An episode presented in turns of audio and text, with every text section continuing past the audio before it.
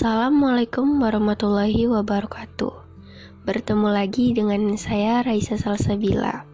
Tema kali ini adalah peran aktif Indonesia pada masa Perang Dingin dan dampaknya terhadap politik dan ekonomi global. Seperti biasa, saya akan menjelaskan materi tersebut. Jika Anda ingin mengetahuinya lebih lanjut, silakan dengarkan podcast ini. Nah, langsung saja. Perang Dingin Pengertian Perang Dingin yaitu sebuah ketegangan dan kompetisi antara Amerika Serikat beserta sekutunya yang disebut Blok Barat dengan Uni Soviet beserta sekutunya yang disebut Blok Timur. Apa sih latar belakang Perang Dingin? Munculnya Amerika Serikat dan Uni Soviet sebagai pemenang Perang Dunia II yang saling memperebutkan pengaruh negara-negara di dunia. Adapun faktor yang memengaruhi latar belakang terjadinya perang dingin adalah sebagai berikut. 1. Penyebaran ideologi dan perbedaan paham. Perang ideologi antara Amerika Serikat dan Uni Soviet merupakan sebuah pertentangan antara dua sistem nilai yang saling berlawanan. Ideologi Amerika Serikat adalah liberal kapitalisme Artinya, kebebasan individu dalam berbagai bidang baik politik, ekonomi, budaya, dan agama. Sedangkan ideologi Uni Soviet, sosialis komunisme, artinya membatasi peran individu dan memberi kekuasaan mutlak pada negara dalam mengelola sumber-sumber ekonomi. Latar belakang yang kedua, persaingan kekuasaan dan yang ketiga, persaingan militer dan pertahanan. Nah, sekarang kita akan membahas dampak Perang Dingin. Dampak Perang Dingin pada Uni Soviet yaitu Rusia sebagai ahli waris utama Uni Soviet memotong pengeluaran militer secara drastis dan restrukturisasi ekonomi menyebabkan jutaan warga di seluruh Uni Soviet menganggur. Lalu, dampak Perang Dingin pada Amerika Serikat adalah menyisakan Amerika Serikat sebagai satu-satunya negara adidaya di dunia dan pengeluaran militer Amerika selama berlangsungnya Perang Dingin diperkirakan sekitar 8 triliun US dollar. Sedangkan hampir 100 ribu orang Amerika kehilangan nyawa dalam Perang Korea dan Perang Vietnam. Wow, dan dampak perang dingin pada dunia, konflik baru di sejumlah negara, mendorong perkembangan teknologi dan berkembangnya demokrasi dan kesadaran terhadap hak asasi manusia. Terakhir, dampak perang dingin pada Indonesia. Turunnya Soekarno dari puncak kekuasaan pada tahun 1966 diduga kuat dibantu oleh Cia yang tidak ingin Indonesia berafiliasi ke Uni Soviet. Sekarang kita akan memasuki perang peran aktif bangsa Indonesia pada masa Perang Dingin. Ada yang tahu nggak? Nggak tahu ya.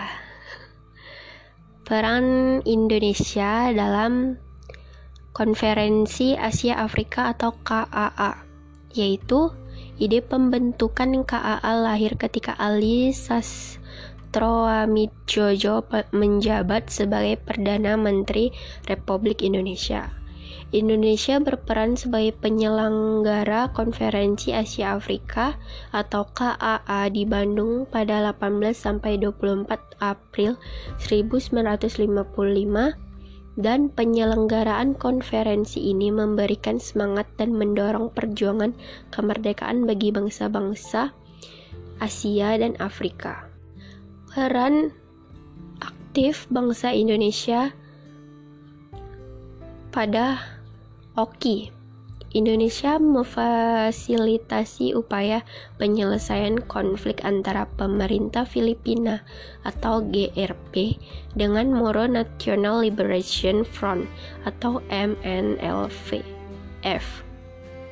dengan mengacu kepada final page Agreement atau Perjanjian Damai 1996 memberantas ekstremisme, kekerasan, dan terorisme dan juga Indonesia telah memberikan dukungan bagi berdirinya negara Palestina yang merdeka dan berdaulat dengan Yerusalem sebagai ibu kotanya, serta berkenaan dengan isu Islamfobia. Pemerintah Indonesia menekankan mengenai perlunya mengajak pihak Barat dalam proses penciptaan proses dialogis lintas agama dan kebudayaan yang konstruktif.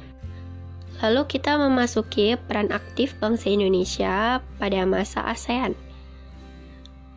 yaitu peran Indonesia dalam ASEAN selain sebagai salah satu negara pemrakarsa, Indonesia juga merupakan negara yang terbesar di kawasan ini.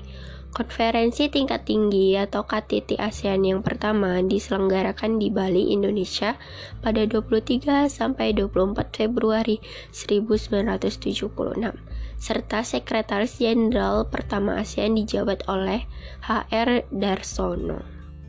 Terakhir, peran aktif bangsa Indonesia pada gerakan non-blok, yaitu Indonesia menjadi salah satu pelopor berdirinya GNB. Indonesia memegang kepe kepemimpinan GNB pada tahun 1992 sampai 1995 dan pernah menjadi tuan rumah KTT GNB pada 1 sampai 7 September 1992 di Jakarta dan Bogor. Lewat Jakarta Message, Indonesia berhasil memfokuskan kerjasama pada pembangunan ekonomi dengan menghidupkan kembali dialog Selatan-Selatan Terakhir, Indonesia turut andil dalam menyelesaikan berbagai konflik regional antara Kamboja, gerakan separatis Moro di Filipina, dan sengketa di Laut Tiongkok Selatan.